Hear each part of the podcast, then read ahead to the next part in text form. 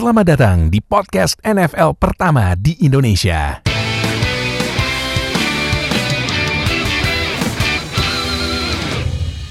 Balik sama gue Fadil host kalian di Zero Noise Podcast. Nah, balik lagi nih gue di minggu ini. Ternyata ya kan kayak gue bilang off season tuh nggak ada liburnya kita. Tetap lanjut terus. Apalagi sekarang udah mau deket-deket tahun baru. Ya kan biasanya ada tahun baru Masehi, tahun baru tahun baru yang lain-lain. Nah, ini ntar lagi juga tahun baru NFL menuju pertengahan Maret tanggal di sini tanggal 18 Maret. Nah, berarti uh, aktivitas pasar-pasar free agency bakal kenceng nih karena kan sekarang lagi free ini ya lagi lagi uh, tim-tim mau kasih fr franchise tag nih ke pemain-pemain yang mau yang kontraknya mau habis. Nah, ini kita lihat nih siapa yang bakal kena franchise tag. Cuman selain itu, nah ini kan rookie-rookie NFL uh, bentar lagi pada prodes ya. Ada juga yang udah selesai prodesnya. Nah, siapa rookie yang akan diambil oleh tim-tim NFL. Nah, ini kita mau bahas top 5 rookie ini ya QB prospek dulu ya buat sekarang ya. Sejajar ya sama yang Zero Knowledge kemarin. Nah, iya. Ngomongin top 5 QB. Nah, top 5 lagi. Nah, uh, sekarang gue bareng sama Julian dari Zero Bus.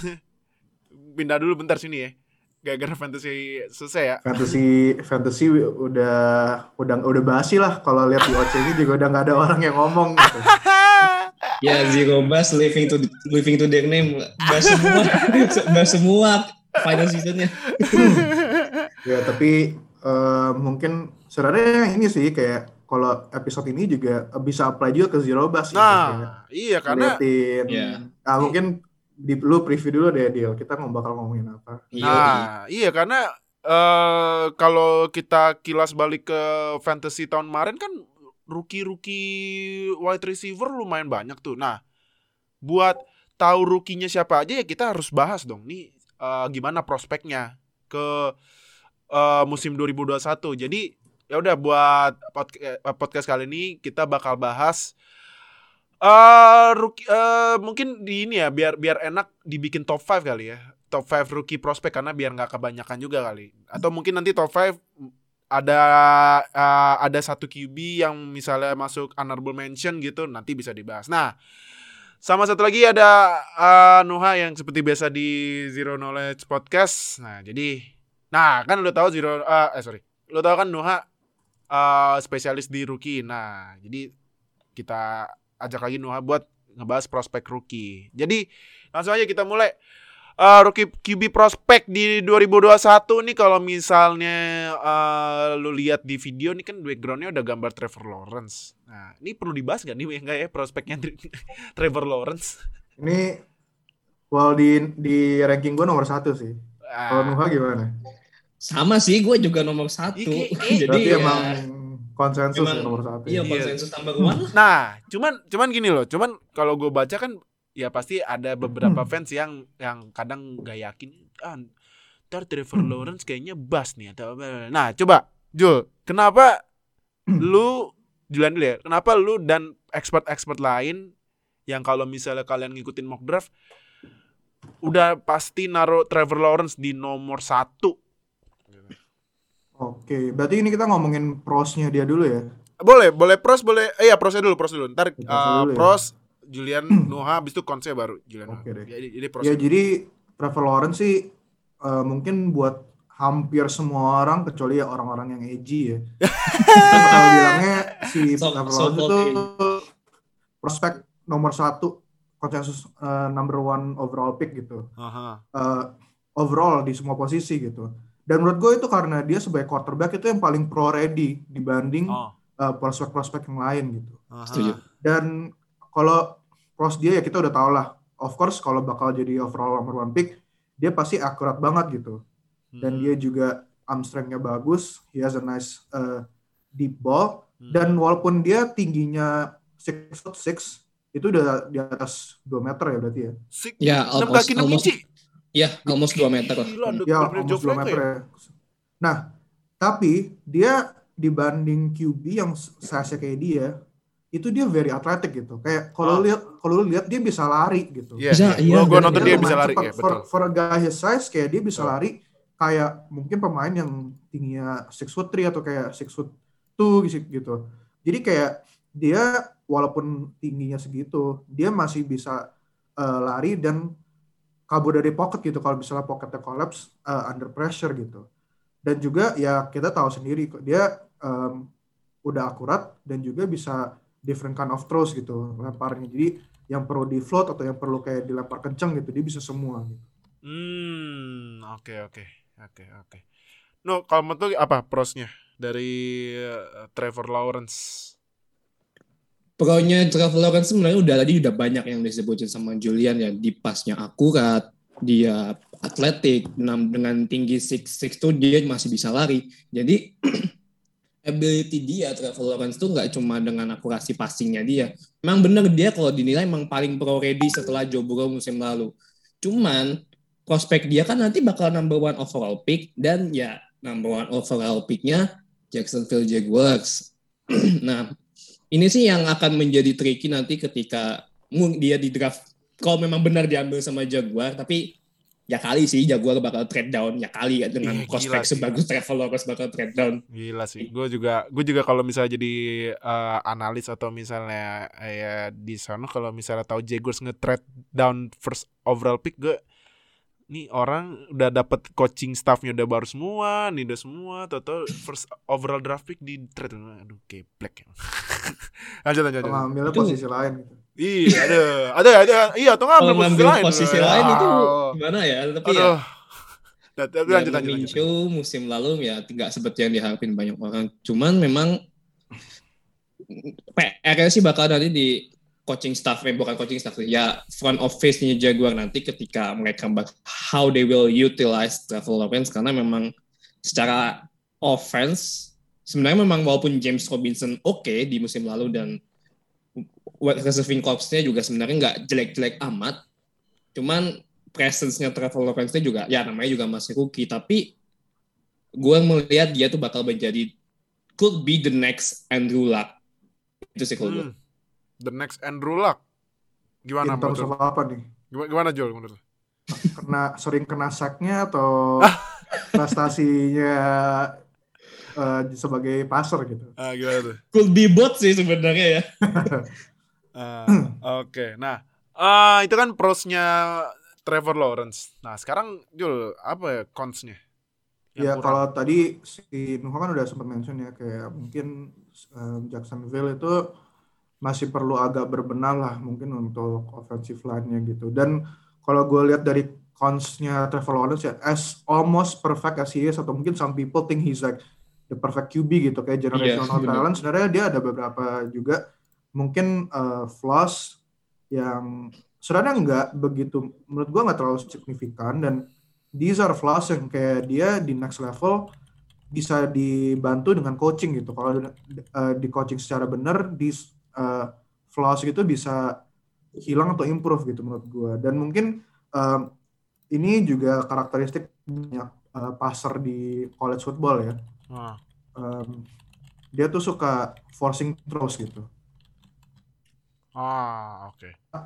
um, mungkin yang windownya kecil atau mungkin um, receiver dia di double coverage dia masih paksa gitu dilempar mm -hmm. ke situ atau walaupun mungkin ada option lain yang lebih oke okay, atau mungkin ya it's, it's better to just throw the ball away gitu.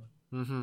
Juga ini yang kita lihat dari beberapa kekalahan Clemson, mungkin yang kayak tahun uh, season kemarin kalah sama Ohio State di semifinal mm, yeah. college football playoff, sama mm. tahun lalu pas kalah sama LSU di final. Mm. Burrow ini masih sering struggle untuk recognize uh, blitzes gitu dari defense. Yeah, benar, benar, benar. Terutama blitzes mm. yang disembunyiin sama uh, dengan package-package lain gitu. Itu dia hmm. masih sering miss dan either dia nggak realize itu blitz datang jadi uh, saat dia masih melakukan readnya jadi dia kena sack atau mungkin dia juga um, akhirnya nggak uh, ini nggak cepet nggak nggak nggak bisa triggernya cepet jadi akhirnya kena sack juga gitu karena pegang bolanya kelamaan gitu um, hmm. terus juga uh, jadinya itu juga dia kadang-kadang terlihat agak gampang panik gitu kalau under pressure gitu. Jadi mungkin dia jadi lemparnya buru-buru, mm-hmm. bukan lempar cepet ya, lemparnya malah terburu-buru, mm-hmm. atau mungkin dia langsung refleksnya tuh buat kayak kopok gitu. Dan itu ya maksudnya di di NFL sendiri kita bisa lihat banyak uh, senario di mana QB mereka um, walaupun mungkin pressure udah dekat ya they still have to hold the ball just a bit longer gitu biar uh, mungkin um, wide receiver mereka bisa open gitu dan juga kalau tadi gue bilang dia kurang kadang-kadang juga trigger lemparnya agak kurang cepat nah itu juga dia kadang-kadang tuh lack, lack anticipation gitu jadi mungkin dia nunggu wide receiver dia berrun uh, open dulu baru dia lempar bolanya instead of kayak uh, lempar bolanya to where the where his receiver is gonna be gitu where his receiver mm-hmm. is eventually gonna be free gitu from defender gitu Hmm, oke okay, oke. Okay. No, kamu tuh apa? Versi apa? Kurangnya dari Trevor? Gue hampir hampir setuju sih, maksudnya dengan apa yang dibilang Julian, reading def reading defense coverage dia tuh masih belum masih belum NFL ready lah udah dijelasin juga tadi di apa di semifinal college football playoff waktu tahun 2020 itu kebetulan memang juga gua nonton dan itu memang somehow Lawrence ketika dapat base memang masih belum bisa ngebaca reading coverage-nya dengan cukup bagus ya. Ya mungkin karena memang levelnya agak masih college football, mungkin hal itu agak sedikit dimaklumin. Cuman kalau udah masuk NFL, reading coverage defense itu benar-benar dibutuhin karena ya lawan lawan lawannya lu udah level pro semua dan yang memang perlu harus improve coverage defense dan contohnya yang berhasil buat apa flow-nya yang reading coverage reading coverage defense dan akhirnya ketika masuk pro berhasil salah satunya Justin Herbert di yeah. college ketika di college jelek banget reading coverage-nya makanya dia sering kayak overthrown sering intercepted. Nah, ketika masuk NFL tuh berubah dia. Dan reading coverage-nya bagus, reading defense-nya bagus, makanya passing bola juga banyak akurat. Hmm. Dan gue berharap sih Justin, eh Justin, Trevor Lawrence itu bisa sukses seperti apa yang di, dilakuin sama Herbert musim musim kemarin. Hmm, oke okay, oke okay, oke. Okay. Berarti itu Trevor Lawrence buat kalian yang memang ngefans sama rookie yang rambutnya kayak cewek ini, aduh rambutnya potong rambut kayak kayak Justin Herbert ntar ya abisnya nah, ya mungkin mungkin mungkin nanti NFL oh nih ada mungkin buat face the next face of the NFL nggak apa deh rambutnya panjang kan abisnya kan yang satu rambutnya kribo ya kan yang satu lari mulu rambutnya suka dikuncir-kuncir gitu kan tapi nggak apa nih biar biar lebih beragam gitu ya nah ini kalau kalau Trevor Lawrence masuk Sukti bakal ada iklan Pantene sih. Oh iya, head and shoulder. head and shoulder. Mungkin head shoulder. the next head and shoulder, head and shoulder. itu. Iya, Kayak ini ya, Jota Slim. Iya. Head and shoulder. Iya, bener. Kalau di sana kan Troy Polamalu sama Patrick Mahomes tuh. Nah, nah Trevor, Trevor Lawrence join buat rambutnya biar makin kinclong gitu pas sebelum main pakai sampo. Nah, next. Nah, ini ya. Nah, kedua kan pertama pasti Trevor ya. Kedua ini hmm. kayaknya nggak tahu mungkin udah fix atau misalnya masih tuker-tuker. Ada beberapa mock yang gue lihat udah pasang Zach Wilson dari BYU. Hmm. Brigham Young, yeah. Brigham Young University. Brigham Young, ya. Yeah, iya, Brigham Young. Iya. Ada juga yang masih naruh Justin Fields dari Ohio State. Nah, Jul, lu siapa nomor dua? nomor gua nomor dua gue sebenarnya bukan Zach Wilson sama Justin Fields sih. Siapa? nomor dua gue uh, gue taruh Trey Lance. Trey Lance dari ini dari NDSU. North, Dakota State. North Dakota oh, State. kampusnya ini, kampusnya Carson Wentz. Ya? Kampusnya Carson Wentz. Ya, ya. ya, ya yang dibuang ke Colts itu ya. Tapi kan, kan ada ada kemungkinan Eagles ambil QB kan di ah, nomor 6 kan. Masih banyak. Oh, iya, masih ada kalau ngambilnya Trey Lance gitu. Wah, kalau ngambil lagi. Yang dari North Dakota State terus ngambil dari North Dakota Wah State iya anjir tuh. Itu awkward banget sih itu awkward sih. Cuman Anjir. cuman gue baca beritanya yang um, katanya Eagles kemungkinan ambil kiblat gue gila nih ya Howie udah punya yeah. udah punya Hurts masih aja nyari kiwi tapi tapi kenapa lu taruh Trey Lance di nomor 2 Um, sebenarnya kalau menurut gue urutan 2, 3, 4 ini mungkin interchangeable ya gitu antara Trey Lance, Zach Wilson sama Justin Fields gitu. Mm-hmm. Tapi kalau dari gua nonton tiga prospek ini, ya gua emang paling suka Trey Lance sih. Ya mungkin gue juga uh, mungkin narasi narasinya juga ya yang gue suka gitu kayak dari sekolah FCS yang mungkin kompetisi level kompetisinya nggak setinggi yang empat lain gitu. Tapi maksudnya kayak, kayak dia masih bisa tetap compete gitu. Walaupun ya North Dakota State sendiri kalau di level FCS itu kayak Alabama gitu yang kayak hmm. mungkin di, di 9 tahun terakhir tuh mereka udah 8 kali menang national championship gitu di level FCS um, tapi ya kenapa gue paling suka Trey Lance? Itu karena dia only he's a good passer gitu kayak dia akurat tapi hmm. physical abilities dia tuh juga bagus banget gitu hmm. dan mungkin gue bakal compare dia kayak Josh Allen gitu hmm. yang kayak um, great arm strength larinya cepat terus juga bisa um, shot tackles gitu jadi dia bisa inilah maksudnya whoever who, whichever team gets him itu bisa pakai dia berma, berbagai macam cara gitu dan kita udah lihat ya kayak Josh Allen developmentnya di NFL kayak gimana dan dia yang tadinya pas mungkin beberapa tahun awal dia turnover prone mungkin kayak masih ada um, fumble, fumble sering fumble atau sering interception gitu tapi kayak season kemarin ini borderline MVP gitu developmentnya dan dia sebagai passer juga improve a lot gitu. Dan Trey sendiri di college tuh jauh lebih akurat daripada Josh Allen gitu. Kayak Trey selama dia um, di college kan dia main full seasonnya cuma satu ya terus season kemarin dia cuma main satu game gitu itu biasanya yeah. kayak exhibition game lah buat kasih lihat showcase dia gitu basically. Mm -hmm. Nah itu di situ dia ada satu interception di game 2020 itu. Mm. Tapi itu satu-satunya interception dia di college gitu. Oh iya. Di 2019 dia nggak throw any interception. Dia ini 2000 wow. ini start dia di 2019 ya. 66,9 completion percentage 2.786 passing yards, hmm. 28 touchdown, 4 itu passing touchdown, 14 hmm. rushing touchdown dan zero interception. Oh, passing touchdownnya wow. sih yang menjadi apa kayak ya menjadi nilai lebihnya sih kalau menurut gue ya passing touchdownnya sih. Dan ya zero interceptionnya itu kayak bayangin lu the whole season ya mungkin orang bilang kayak oh FCS level kompetisinya merendah ya it's still division one gitu maksudnya kayak the fact that you can throw zero interception itu that's an impressive iya sih. thing. Iyalah. Iyalah. Di tetap abisnya kan tetap masuknya di one kan. Kalau misalnya di tuna hmm. itu beda yeah. lagi ceritanya. Tetap, tetap di one hmm. gitu maksudnya iya, ya kayak iya. mungkin nah, itu cuman di level sekolahnya aja yang size-nya lebih kecil dibanding sekolah-sekolah FBS gitu. Hmm. Nah. Kurangnya apa?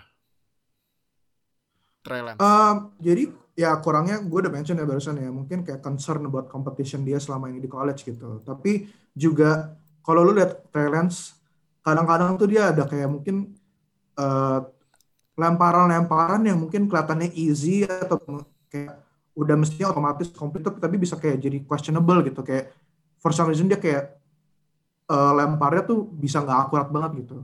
Hmm. itu kadang-kadang gitu. Itu kadang-kadang bisa terjadi. Tapi mungkin itu juga ya mungkin ada kesalahan juga di wide receiver-nya gitu ya we, we don't know gitu. Tapi um, ya itu kadang-kadang dia ada kayak bo, mungkin yang bukan bonehead tuh tapi kayak lu lihat lah ini kok bisa bego banget gitu bisa jauh banget dari receiver-nya gitu. Nah terus ah. juga karena dia as a runner juga jago banget dia tuh kadang-kadang punya tendensi untuk lari dulu gitu kalau udah udah berasa under pressure gitu. Jadi mungkin sebenarnya dia masih ada waktu buat make his read atau mungkin dia bisa progres ke second read, third read dia. Tapi karena dia lihat first read-nya uh, dijaga ketat banget dan dia udah berasa ada pressure datang, dia bakal langsung nyoba lari gitu. Walaupun ini agak selalu ya, tapi dia kadang-kadang punya tendensi untuk kayak gitu. Mm-hmm. Nah terus juga satu lagi kalau dia nggak lari, kadang-kadang kalau udah ada under pressure juga, dia juga ini kayak under pressure dia bakal coba ngeburu-buru lempar bolanya gitu. Jadi mungkin uh, receiver dia belum open atau mungkin dia sebenarnya masih punya ruang untuk stay in the pocket tapi dia maksa gitu langsung lempar aja gitu. Which is ya walaupun enggak interception tapi mungkin di level NFL bisa bisa jadi interception gitu atau ya uh, itu worst case scenario. Tapi ya maksudnya juga akhirnya jadi incomplete ya sia-sia gitu ngebuang satu down. Itu sih yang uh, concernnya dia gitu. Tapi menurut hmm. gue ceiling dia tuh tinggi banget karena physical abilities dia gitu. Hmm. dan dia juga bukan someone yang nggak bisa baca defense nggak bisa nggak uh, bisa lempar ke tight window gitu. Dia bisa oh. gitu dan dia has shown it gitu. Oh. that's why gue taruh dia di nomor dua karena emang gue personally suka uh, quarterback yang kayak gitu. Ah oke oke oke oke oke.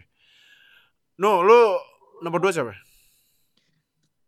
Kalau gue sih sebenarnya nggak ini kalau bisa dibilang bias bias, gue memang favorit banget selain Trevor Lawrence sama quarterback ini. Nomor dua gue pilih Mac Jones. Mac Mac Jones, oh dari Iya. ini uh, Oklahoma. Alabama.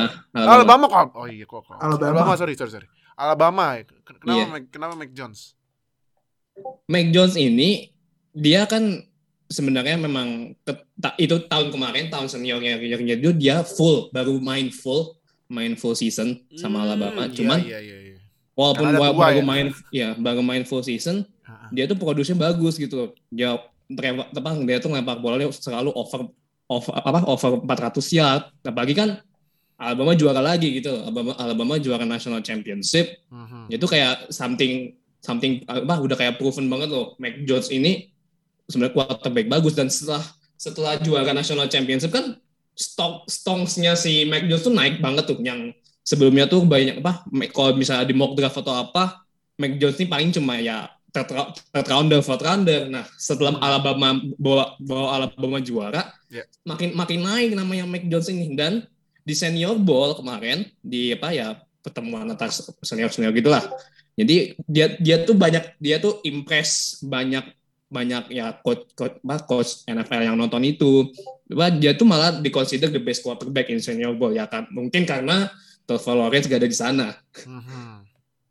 Ya walaupun gitu kurangnya dia sih sebenarnya mungkin karena satu dia baru main satu full season dan yang kedua weaponnya di Alabama juga bagus-bagus gitu Devonta Smith, Jalen Waddle, running back Najee Harris. Jadi kayak Mac Jones ini kayak terbantu dengan keberadaan mereka. Jadi itu sebenarnya nggak bisa dibilang menjadi flawless-nya juga tapi bisa menjadi kelebihannya karena memang punya teammate yang bagus. Nah di mock draft di banyak mock draft kan Mac Jones ini kan udah mulai Mac Jones tuh mulai masuk di at- late, late first round. Memang sih memang kalau mau dibandingin secara prestasi tim memang Alabama paling jago tapi bukan berarti Mac Jones nggak bisa dikesampingin gitu aja. Lo toh dia toh dia bisa bawa Alabama juara kok gitu loh.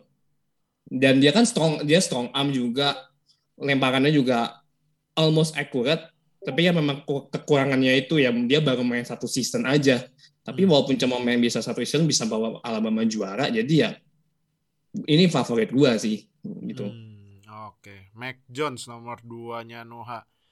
Hmm. Jul, nomor 3 lu siapa?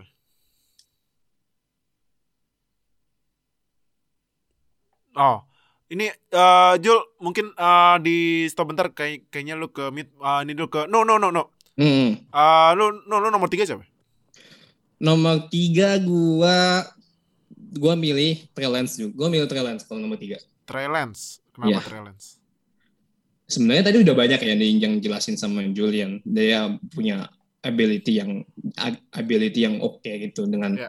di rekor-rekor passing touchdown dia dan zero interception dia tuh kayak menjadi wow itu kayak sebuah rekor yang hmm, may- maybe almost cookie quarterback can't help him but we don't know tapi kan Mhm. dia memang di trailers kan projectednya lumayan tinggi ya Mhm. lumayan tinggi kalau di beberapa mock draft ada yang bilang dia bakal ke Panthers atau dia bakal ya pokoknya ke tim yang need quarterback lah Aha. ya memang salah satunya sih yang gua cukup perhatiin bakal bau-baunya bakal ke Panthers Mhm. cuman memang Trey Lance memang masih ya namanya juga masih rookie ya jadi kayak belum ya belum rookie masih masih masih raw lah masih raw banget cuman kalau misalnya dia di develop sama tim yang bagus coaching staffnya quarterback coachnya yang bagus Mhm. ya bisa jadi bagus ya mungkin bisa jadi next Carson Wentz yang ketika 2017 almost MVP season Oh, karena satu sekolah mungkin juga kali. ya. iya ada tendensi kesamaan kan Tapi apa yang kurang dari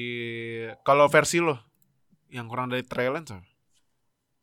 Kalau kurangnya dia sih walaupun dia strong arm ya dan walaupun dia tangannya strong arm lengannya bisa ngelempar jauh Mhm. masih ada somehow trans yang beberapa gua lihat di klip gamenya itu masih banyak ya lempar-lemparan yang incomplete ya. jadi kayak rushing bukan rushing sih kom apa pasnya tuh masih belum belum beberapa waktu itu masih belum akurat karena memang tendensi dia untuk lari lebih dulu tuh memang cukup sering ya. Dia memilih untuk lari dulu kalau misalnya udah mentok nih receiver yang nggak ada yang kebuka Ya. dia lebih milih lari. Dan ketika la- ya, ketika itu kan kayak ya oke okay lah dia bisa menjadi senjata ya apa larinya dia itu bisa menjadi senjata rahasia bukan senjata rahasia pokoknya menjadi ability yang lain. Cuman kan namanya quarterback kan ya harus passing dulu pocket ya harus passing dulu passing duluan lah jadi gue rasa mungkin entah kenapa entah kenapa menurut gue rushing rushing dia itu akan menjadi big flaws kalau dia masuk NFL hmm. karena kalau lawannya lawannya nanti di NFL punya run blocking yang run defense yang bagus, it could be a problem. Ah, oke okay, oke okay, oke. Okay. Oke. Nah, uh, Jul mungkin boleh cek lagi Jul? Ya, tes. Ah, oke, okay, boleh. Nah, sip. Yeah. Jul, kalau nomor tiga siapa? Ya, jadi nomor tiga gue uh, Zach Wilson dari Brigham Young. Zach Wilson, ah Zach Wilson, oke yeah. oke. Okay. Kenapa ya, Zach ini Wilson? juga nama yang tiba-tiba muncul ya season ini ya. Iya, muncul tiba -tiba dan, dan muncul dan sorry. Tuh, iya, sorry, muncul dan gue baca di mock draft langsung naik ke nomor yeah. dua loh. Iya jauh. Ah, hmm. Tapi kenapa? Dan ini sih gue gue mengerti kenapa banyak kayak uh, scouts dan draft analis itu suka gitu sama dia karena uh, salah satu mungkin skill dia, strength dia yang paling uh, kelihatan itu his abilities to throw on the run gitu. Terus juga hmm. dia kalau lu, lu nonton game filmnya hmm bakal mengingatkan lo dengan Tom Brady gitu. Uish. Dia kayak eh sorry sorry sorry bukan Tom Brady. Bukan Tom Brady. Patrick Mahomes. Patrick Mahomes. Patrick Mahomes. Oh. Patrick Mahomes. Jadi kayak lemparan yang kayak awkward angles atau mungkin posisinya aneh gitu di si Bisa. Zach Wilson ini juga juga uh, bagus gitu kayak uh, lemparan-lemparan kayak gitu yang wow. lemparan kayak wow. over across the body atau mungkin kayak side arm passes gitu. Hmm. Yang pokoknya yang kayak aneh-aneh gitu. Itu dia juga jago makanya um, si offense-nya BYU sendiri itu juga build on that gitu. Kayak hmm. um, very aggressive banyak kayak play action uh, play action passing plays gitu. Itu hmm. um, dibuild karena skill setnya si Zach Wilson sendiri gitu. Dan walaupun dia kayak gitu lemparannya itu juga uh, very accurate gitu. Jadi dia kayak dan juga dia juga very athletic very elusive. Jadi kalau pocketnya collapse ya dia juga bisa lari lari keluar atau mungkin kayak lari naik gitu um, either to run the ball atau ya kayak to extend plays gitu. Mm-hmm. Dan ini nggak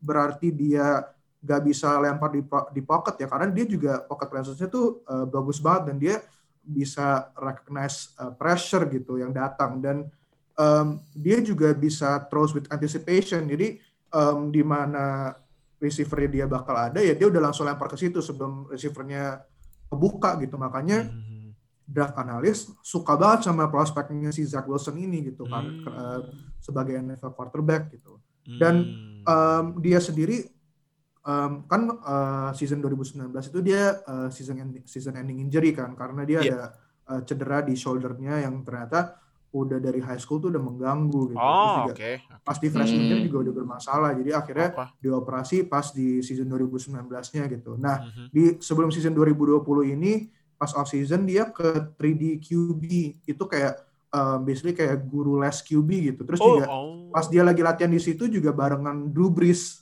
Nah, oh. katanya dia kayak take notes itu dari dari Drew Brees gitu. Bagus Jadi kayak um, makanya dia ini sebenarnya his full season yang dia healthy lah gitu kayak di 2020 ini makanya dia bisa melesat banget kan uh, draft stocknya gitu. Hmm. Tapi ya of course dia juga ada uh, cons-nya gitu kayak um, jeleknya dia itu dia light frame dibanding semua top 5 QB yang bakal kita omongin hari ini dia yang paling ringan gitu.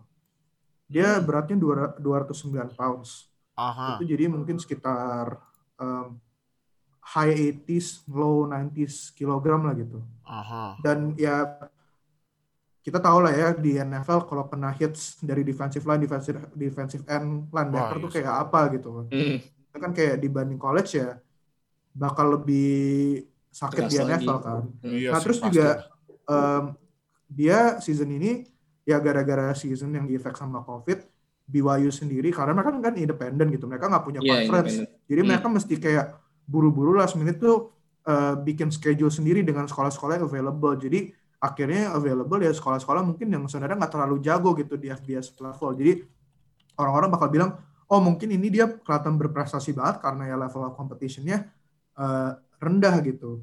Terus juga si Wilson ini um, offensive line-nya tuh bagus gitu. Jadi mungkin orang kayak banget, oh ya karena uh, eh, BYU offensive line-nya semuanya gede-gede banget di atas 300 pounds. Lineman-nya ya dia well protected gitu. Jadi punya oh. banyak waktu untuk lempar di, di di pocket. Nah, si Wilson ini mungkin karena ya emang dia dia tuh emang mentalitinya tuh kayak Mahomes banget gitu yang kayak dia tahu arm dia bagus, dia tahu dia bisa lempar uh, dengan berbagai berbagai macam angle. Mm-hmm. Dia tuh sering maksa uh, untuk ngelempar into tat windows gitu. Tapi bedanya dengan uh, eh, QB QB college lain yang mungkin terpaksa lempar ke tat window karena dia salah baca atau mm-hmm. dia salah uh, atau dia mungkin terburu-buru jadi asal lempar. Si Wilson ini ya dia lempar buat completion tapi di saat untuk completion dia tuh malah mensacrifice wide receiver dia ke big hits gitu atau mungkin kayak oh. double hits dari defenders gitu ya. Yang yeah, itu yeah, concern yeah. mungkin kayak di NFL apakah wide receiver wide receiver dia bakal mau hmm. put that much effort into untuk dapetin untuk catch bola dia while sacrificing their body untuk kena big hits dari dari defender gitu. Hmm. Um, terus juga yang terakhir ini uh, related ke light frame dia Mm-hmm. Um, ini paling kelihatan di game dia lawan, lawan Coastal Carolina gitu yang mungkin mm-hmm. ada orang bakal bilang oh ya si Zach Wilson ini kena chip cheap hits gitu by uh, the Coastal Carolina defenders. Dia ini kalau udah sering kena sack, sering kena tackle, easily shaken gitu. Terutama kelihatan banget di Coastal Carolina gitu. Mm-hmm. Dia bakal akhirnya trying to do too much, trying to buru-buru, akhirnya ya result in turnover gitu. Atau mungkin ya dia nggak bisa baca defense properly, nggak bisa go through his progression properly gitu. Akhirnya dia mainnya jadi jelek gitu. Jadi walaupun he's a very good quarterback, very smart, mungkin uh, in any kind of NFL offense, lu bisa taruh dia dan dia bakal succeed. Ya he has to be well protected gitu. Kalau nggak ada kemungkinan dia bakal bisa um, trauma dan akhirnya develop a lot of habits gitu dari uh, mungkin sex atau hits yang dia akumulasi gitu dari hmm. rookie season dia kalau misalnya dia ntar di NFL dapat tim yang offensive line-nya nggak bisa protect dia secara bagus gitu. Hmm, oke oke oke oke. Nah, uh, sekarang Jul keempat lo siapa versi lo? QB. Keempat gua Prospect. Justin Fields sih dari Ohio State. Justin Fields. Nah, gua sebelum mulai gua gua jujur ya, gua gua mau bilang gua gua adalah orang yang tidak pernah percaya QB Ohio State. karena memang sejarahnya jelek banget aduh. Yang terbaru ini kan yang baru desain sama Steelers kan. Iya itu juga dia signnya reserve future contract. Itu itu ya kontraknya itu ibaratnya buat rame-ramein praktis uh, pra, apa uh, practice camp aja kalau gitu misalnya. gitu ya. iya kalau misalnya jelek ya udah tinggal dibuang gampang. Ya hmm. ya gue memang lihat sejarahnya QB Ohio State, State. teman banyak yang bilang ya ini just ini mungkin D gitu di di ah. QB-nya ini cuman ya menurut tuh gimana Jul kalau lo kalau ada Fields. orang gue pernah orang bilang tuh don't don't judge the helmet judge the player ah jadi itu. jangan lihat dari Instagram dia gitu iya yeah. um, ya I mean there ada sih stereotype dari uh, Ohio State QB yang kalau di level NFL tuh nggak bisa succeed gitu dan mungkin itu juga ya efek dari emang uh, offense Ohio State yang mereka jalani selama ini ya kayak dari dari dulu ya gitu. Dan menurut gua sih uh, mungkin kalau kita lihat dari QB-nya Ohio State sebelum-sebelumnya mungkin kita ada kayak Braxton Miller atau uh, Ter Terence Pryor gitu yang very athletic. Tapi mungkin kalau disuruh kayak baca passing atau passing from the pocket mereka struggle atau mungkin kita punya Dwayne Haskins gitu yang mungkin secara passing sebenarnya oke okay, he, he he's a good kayak pocket pocket passer gitu tapi kayak disuruh improvise play lewat kayak lari atau using his feet ya dia nggak bisa gitu. Well good thing is Justin Fields itu punya kedua-duanya gitu. He has the athleticism tuh kayak extend plays dan juga he has the arm and the smarts tuh untuk recognize defense and uh, exploit them gitu. Um, mungkin kita ke prosnya dulu kali ya as, as I've mentioned ya dia punya great athleticism gitu. Kayak maksudnya hmm. dia um, dia six foot three tapi dia lumayan stocky ya badannya ya 228 pounds ya. Mm, yeah. udah 100 kilo gitu. Jadi walaupun dia kelihatan agak kurus tapi sebenarnya there's a lot of muscle pack into his body gitu. Jadi um, mungkin nggak terlalu takut untuk kalau dia receive hits gitu. Kayak yang di semifinal college football playoff kemarin kan maksudnya dia pas awal-awal lawan Clemson kan itu dia kena itu kan kena ribsnya gitu. Dan tapi Iya, dia juga end up throwing a lot of touchdowns gitu di game itu jadi he's a really big playmaker sih yang kayak he's really dia bisa kayak from nothing bisa clo bisa come up bisa jadi big plays gitu kalau gue lihat dari yang final lawan Alabama ya dia banyak lot of under pressure tapi kenapa Ohio State masih bisa uh, score points gitu ya Hmm. Uh, dan drive-nya bisa selesai dengan cepat ya karena dia bisa uh, have plays yang deep deep plays itu big plays yang membuat dia jadi seorang QB yang bisa bikin offense tuh eksplosif gitu.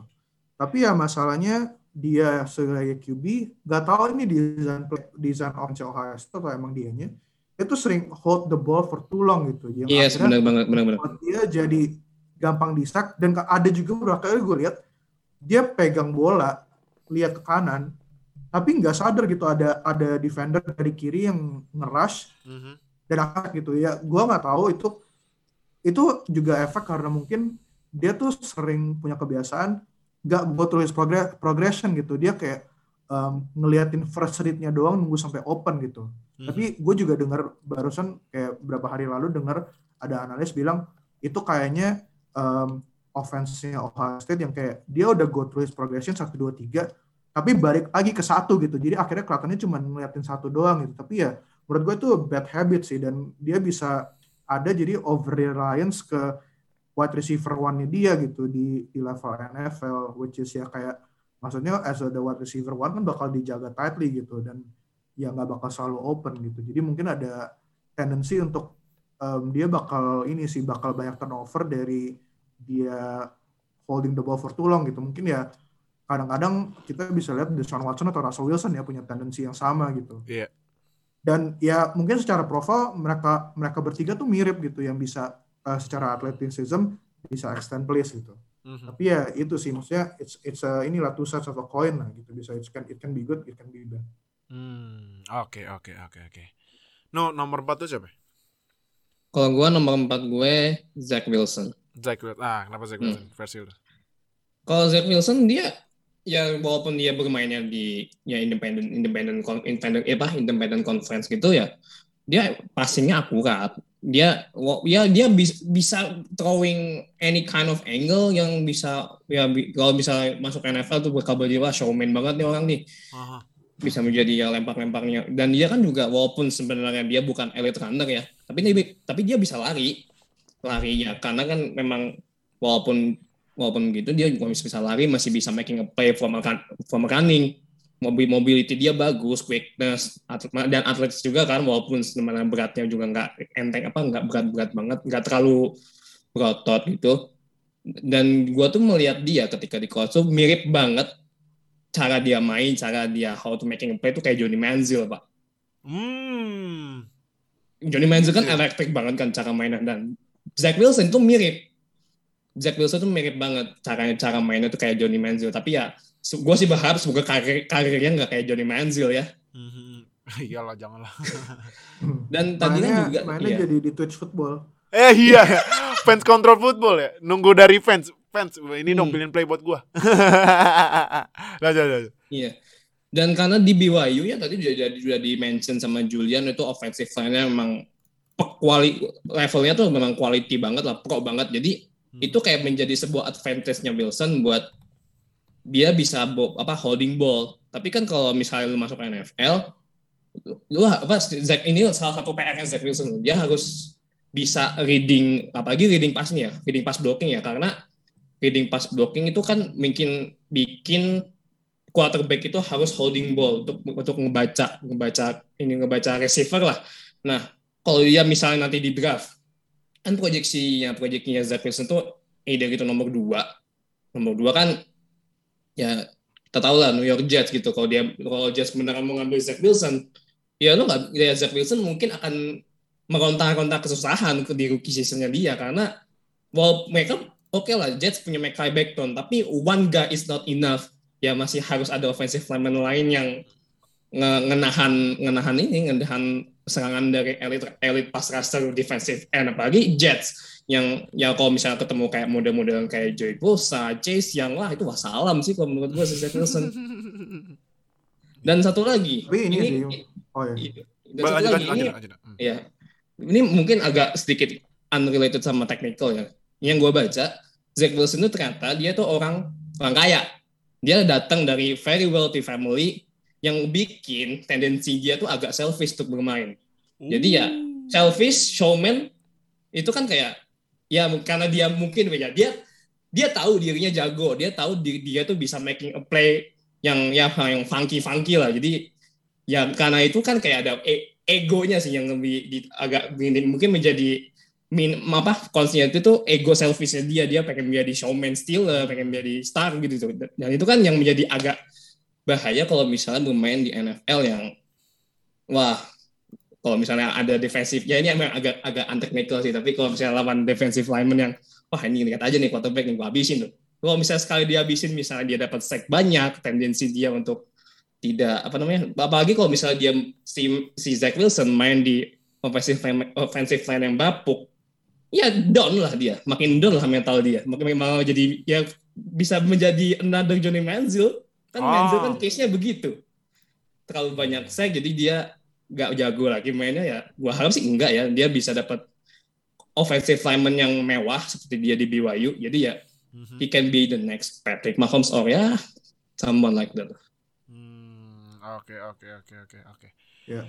Nah gue mau komen sih kalau regarding yeah. offensive line. Ya bagusnya season ini draft tahun ini ya banyak banyak line iya. prospeknya lumayan iya offensive line lumayan lumayan stack loh ya di lumayan bagus bener. di round setelah round satu si Jets masih bisa dapat quality offensive line nya gitu. iya iya benar tapi mungkin kalau regarding yang si Nuha komen juga tentang kayak personality dia tapi di satu sisi juga mungkin itu suatu quality yang QB harusnya gitu mungkin iya memang harus confidence ya. gitu yang yeah, kayak yeah, this kind of swag yang kayak walaupun mungkin dia udah mungkin just he just threw an interception gitu ya dia bisa lupain aja like uh, masih believe kayak oh akan akan uh, bring this team to win gitu ya itu ya we'll see lah kita ntar pas dia di NFL kayak gimana sih. Hmm oke okay, oke okay, oke okay, oke. Nah terakhir Jul nomor lima lo siapa? Ya kalau gue nomor lima ada Mac Jones sih yang tadi udah dibilang oh, Jones ya? Iya. Ya. Okay, Jadi um, ya gue nggak lama-lama aja ya. Mungkin di Mac Jones ya kita udah bisa lah tahu he's a winner gitu. And kayak kita udah lihat dia di Alabama make uh, uh, an offense become very explosive gitu. Terus juga he's accurate dan dia juga he's good at recognizing uh, reading the defense gitu. Tapi menurut gue um, mungkin kekurangan dia tuh he's very average at his athleticism gitu. Yes. Mungkin kalau bisa dibandingin ya kita bisa bandingin dia dengan Tom Brady ya. Mungkin jangan lihat Tom Brady 20 tahun jangan 20 jangan, tahun jangan. setelah his rookie year gitu. Iya, jangan. Tom Brady entering his uh, Tom Brady pas baru di draft gitu ya. Mungkin yang kayak kalau kita lihat badannya very average terus juga mungkin menurut gue sih uh, si Mac walaupun dia bisa throw deep balls nice and accurate dia arm strength-nya tuh nggak terlalu bagus menurut gue. It's very average gitu. Jadi ya um, dia bakal kita nggak gue nggak mau ngomong ini ya tapi mungkin he's gonna have to be a system quarterback gitu. Bukan karena dia um, he's a bad quarterback gitu. It's just like his physical tools ya agak limited dibanding uh, these other quarterbacks gitu. Tapi he's very smart. Maksudnya kayak dia 2019 pas Tua Tagovailoa uh, injured di tengah-tengah season dia take over dan um, Alabama sendiri offense-nya nggak tetap bisa jalan gitu. Di, di Cotton Bowl pas lawan Michigan I think he threw for like around 300 passing yards and like three touchdowns gitu. Dan juga kita bisa lihat ya season ini dia um, offense-nya Alabama yang mungkin Alabama selama ini stereotipnya very great defense tapi average offense. Justru malah season ini offense-nya yang meledak-meledak gitu. Jadi ya mungkin for him to succeed in the NFL he has to go to a team yang um, offense-nya bisa adjust ke dia adjust to his um, limitations dan juga bisa protect dia and have uh, give him weapons gitu. Karena itu yang kita lihat kan di uh, di Alabama gitu. Mungkin mungkin not mungkin not necessarily great offensive line ya karena offensive line Alabama sendiri tahun ini ya it's good but not great gitu. Uh, tapi mungkin kayak um, punya weapons yang dia bi bisa bantu dia facilitate gitu. Ya contohnya mungkin kalau kita lihat di di Alabama dia punya AJ Harris, Devonta Smith, Jalen Waddle gitu. Mungkin di NFL dia bisa punya Michael Thomas atau Alvin Kamara gitu di Saints. Menurut gue ya, I think tim kayak Saints itu yang udah well equipped, terutama di defense, can be a good landing spot for him gitu. Hmm. Apalagi punya coach yang offensive mind-nya jauh bagus. Oke. Oke. No, lo siapa terakhir? Sebelum itu gue mau nambahin sedikit ya tetap oh, terkait, boleh, Mac, terkait Mac Jones tadi. Tadi kan di mock draft ini kan banyak yang oh kalau di banyak mock draft tuh Mac Jones tuh bakal jatuhnya ke Washington. Karena memang di sisi lain memang Washington they really need a quarterback. Tapi gue rasa bahkan di senior ball tuh bahkan Sean Payton tuh kayak mengasih komen tuh, nih gue suka sama quarterback ini, gue suka sama prospek ini. Sean Payton kayaknya benar-benar suka sama Mac Jones dan I don't see why not kalau memang nanti Mac Jones akhirnya jatuh ke Saints atau bisa jadi Saints malah trade up untuk ngambil Mac Jones. Bisa jadi loh ini karena hmm. prospek quarterback yang udah kita sebutin semua tadi itu tendensinya bakal jatuhnya di atas 20 semua. Bakal cepat diambilnya sama tim-tim yang benar-benar butuh quarterback. Nah, kalau hmm. memang Mac Jones masih available, kalau memang Saints bener-bener ngebet sama Mac Jones ya mau nggak mau mereka harus trade up biar nggak diambil sama orang lain. Itu sih kalau gue. Nah ya gue gue gue nah gue mau komentar dikit nih. Uh, sama Noha bilang Saints mbak bisa trade up. Karena karena gini lu kalau misalnya lihat cap space-nya Saints ya yeah. itu minus enam puluh lima juta. Iya. Yeah. Nih kalau gue ambil dari ini ya sumber tercepat ini sumber terpercaya dari Spot Track ya. Spot Track ini memang kalau buat bagian finansial NFL itu paling update. Jadi buat lu yang mau Baca. si NFL sebenarnya coba gini ya, lu kalau nonton NFL tuh jangan game aja. Lu harus tahu pergerakan pasar-pasarnya gitu kayak nonton bola aja lu harus tahu pergerakan transfernya gitu, kontrak gitu, gitu kontraknya gimana nah nanti kita akan bakal jelasin kan mengenai kontrak gitu apa kontrak kayak kontrak NFL kayak gimana franchise tag itu apaan nah nih kalau gua cek sekarang Uh, kalau cash space yang paling plus yang paling banyak kan Jaguars plus 83 juta. Gila ya, Jaguars plus 83 juta loh. Emang udah disiapin kayaknya buat Trevor Lawrence. Itu, itu bikin mega team bisa kali. Bikin meg lo masukin pemain-pemain yeah. superstar banyak itu kayaknya masih ada sisa cap space 10 jutaan kayaknya deh. Nah, ini kalau lihat di spot track, nanti caranya spot track bagian NFL di cap tracker. Saints itu paling bawah minus 65 juta. Peringkat 31-nya Philadelphia, Philadelphia Eagles karena kemarin nge-trade Carson Wentz yeah. itu masih ada minus 39 juta loh. Jadi jaraknya jauh banget ya Eagles sama Saints. Nah, kenapa gue bawa-bawa cap space? Karena gini, Saints ini gue cek memang pemainnya bak makan cap space-nya lumayan banyak ya. Bahkan pemain yang lu nggak tahu pun apa cap hitnya lumayan banyak, tinggi, kena. lumayan tinggi, nah. iya lumayan tinggi. Nah, menurut gue Saints kalau mau ngetrip pemain dia lever dia leverage-nya lebih tinggi loh. Karena dia punya pemain yang mungkin tim pak tim butuh. Nah, dia buang pemain cap savingnya lumayan tinggi. Nah, jadi Saints menurut gue kayaknya buat manuver ngetrade lumayan tinggi sih. Yang ngetrade plus pemain ya. Hmm. Nah, iya, iya, kalau iya. misalnya mau yang menyelamatkan cap bakal bikin penasaran siapa ya? Nah, itu kita nggak tahu siapa. Nah, nah, tapi ya demi menyelamatkan cash daripada over over cap terus nggak boleh ngedraft atau draft picknya diambil buat tahun depan. Nah, apalagi ini kan udah uh, kibi kesayangannya udah ada di ambang-ambang pensiun kan. Nah, iya masih gak, masih belum jelas si iya. Nah, tapi um, gue mau nambahin terakhir ya tentang Mac Jones sedikit. Mungkin ya would be beneficial for him juga untuk kayak sit one year behind a QB gitu. Oh, oke. Okay. Ya, ya, bisa, bisa, bisa, bisa. Dia yeah. bisa, ya kalau misalnya Drew Brees kan satu tahun di belakang Drew Brees atau mungkin kayak main di belakang Taysom Hill setahun gitu. Hmm.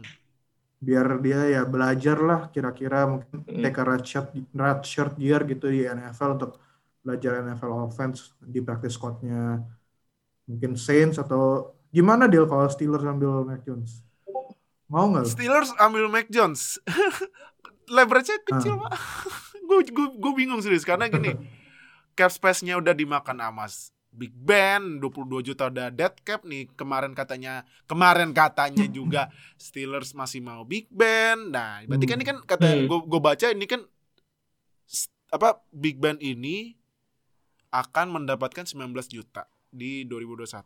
Nah, gue nggak tahu nih 19 juta mau diapain. Apakah bakal gajinya itu dijadiin signing bonus tapi efeknya misalnya Big Ben pensiun nanti ini cap space-nya. Kan kalau signing bonus kan bonus kan dibagi-bagi nih kan? Iya. dibagi-bagi gini kan. Nah berarti efeknya dead cap-nya Big Ben yang udah pensiun masih kemakan Ah, atau ditaruh ke roster bonus. Ah, yang menurut iya, gua iya. kayaknya masuk roster bonus juga nggak mungkin juga.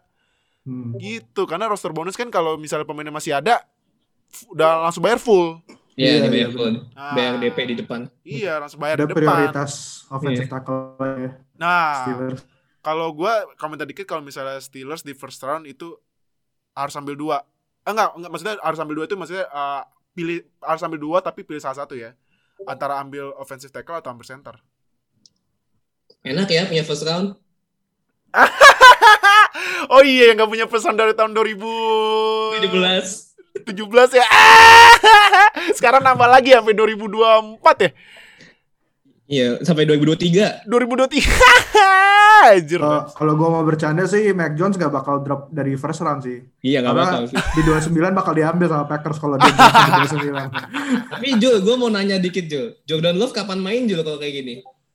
Iya, aduh. ya mungkin abis kontraknya Rodgers eh, abis abis season ini ya, jadi mungkin baru baru dilihat lah evaluasi kayak gimana gitu. Ah, We don't know, mungkin ya Rod- mereka masih mau extend ah, uh, oke. kontraknya Rodgers 2 tahun ya karena soalnya Rodgers pas rookie, se- rookie season sampai se- antara rookie season sampai dia start kan juga Iya, sit eh, out Iya, juga sit out dulu sama ya, gara-gara Favre ya. gitu. Hampir 3 tahun.